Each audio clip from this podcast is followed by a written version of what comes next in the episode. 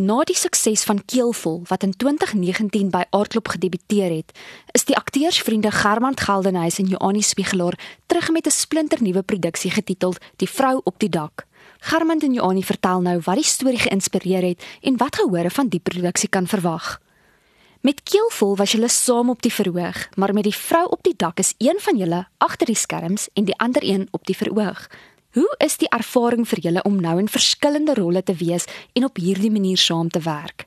Ek gaan nog steeds die aktrise wees, so vir my is dit nog steeds toneelspel, maar ek moet sê die dinamiek het so klein bietjie verander omdat Germanda nou my regisseur is. Hy is dan nou in 'n ander kapasiteit deel van die produksie en ons het 'n chat gehad voor die tyd net om te sê, jy weet, hier is nou nie net vriende en kollegas saam op 'n verhoog nie, maar hier is ons nou regisseur en aktrise en ons moes seker maak ons skei daai rolle baie goed dat ons nou nie kwaad raak vir mekaar as iemand nou 'n nota kry of direction kry of ek as aktrise dalk stry met 'n nota of so ietsie. So gelukkig het ons die chat voor die tyd gehad en ons ken mekaar en verstaan mekaar baie goed. So ja, dis nie vir my regtig enigiets anders as 'n aktrise wat woorde moet leer, direction moet vat en notas moet vat van haar regisseur nie, behalwe dat dit nou my vriend is.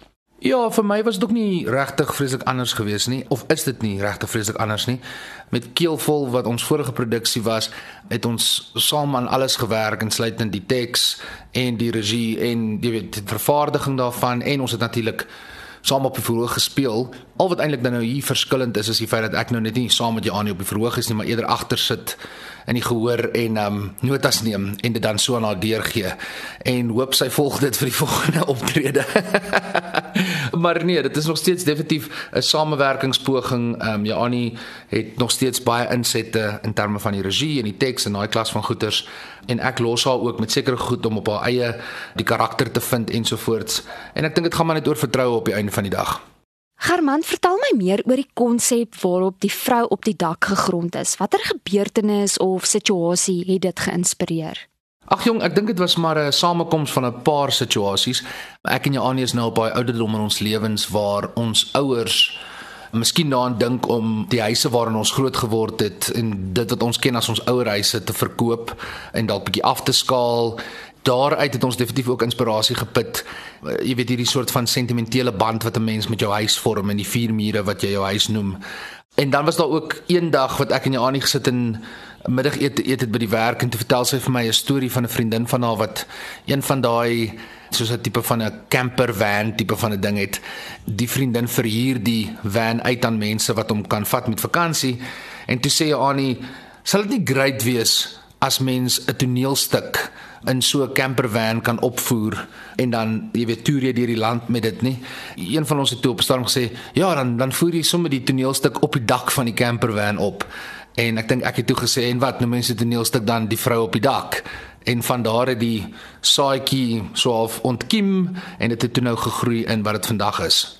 Joanie, kan jy ook vir my vertel met watter eienskap of ervaring van jou karakter Renay identifiseer jy die meeste en waarom? Ek dink die sentimentele aspek van die hele show. Ehm um, Nesrenay is ek ook iemand wat baie sentimenteel is.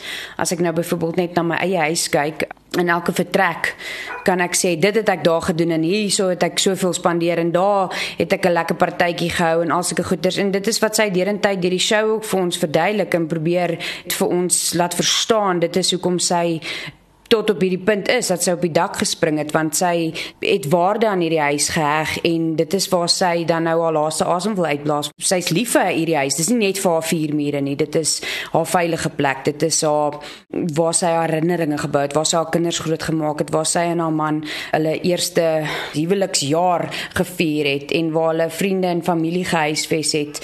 Ek is presies dieselfde in daai opsig. Jy gaan my nie sommer uit my nesie uitskop op hierdie stadium van van my lewe nie. Ek dink Renay is regtig Garquas. Ek is definitief ook. Ek is nie uh hoe kom ek sê iemand wat sommer oorgeloop kan word nie en ek's nie sommer iemand wat lief is daarvoor om te compromise nie. As ek moet dan sal ek, maar dit is nou nie my gunsteling tydsverdryf nie. So as ek my kop op iets gesit het, dan gaan ek dit gewoonlik deurvoer en ek dink dit is wat Renay ook hier probeer doen en definitief haar vrou probeer staan teen wat heidaglik aan die gang is by haar huis. Julle kan sommer albei antwoord en net vinnig vir my sê wat kan gehore van die stuk verwag? Gaan hulle terugsit en lekker lag of is dit miskien iets wat emosies by mense gaan aanwakker?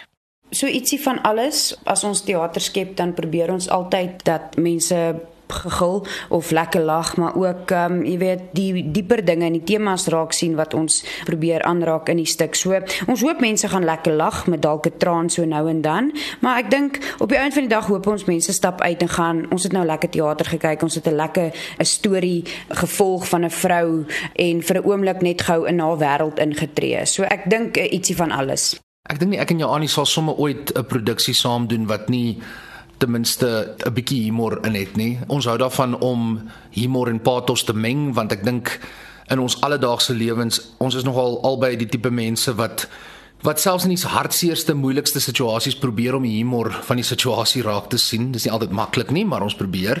Dit weerspieël ook in die skryfwerk hopelik en in die toneelspel dat selfs mense wat hulle self in moeilike, uitdagende, absurde situasies bevind, hooplik nog steeds die humor in die situasie kan uitbring en kan raak sien.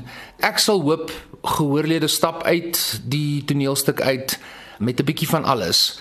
Uh lekker gelag, miskien hier en daar 'n traan gepik en hooplik iets om oor te dink as hulle huis toe ry. Dit is my hoop.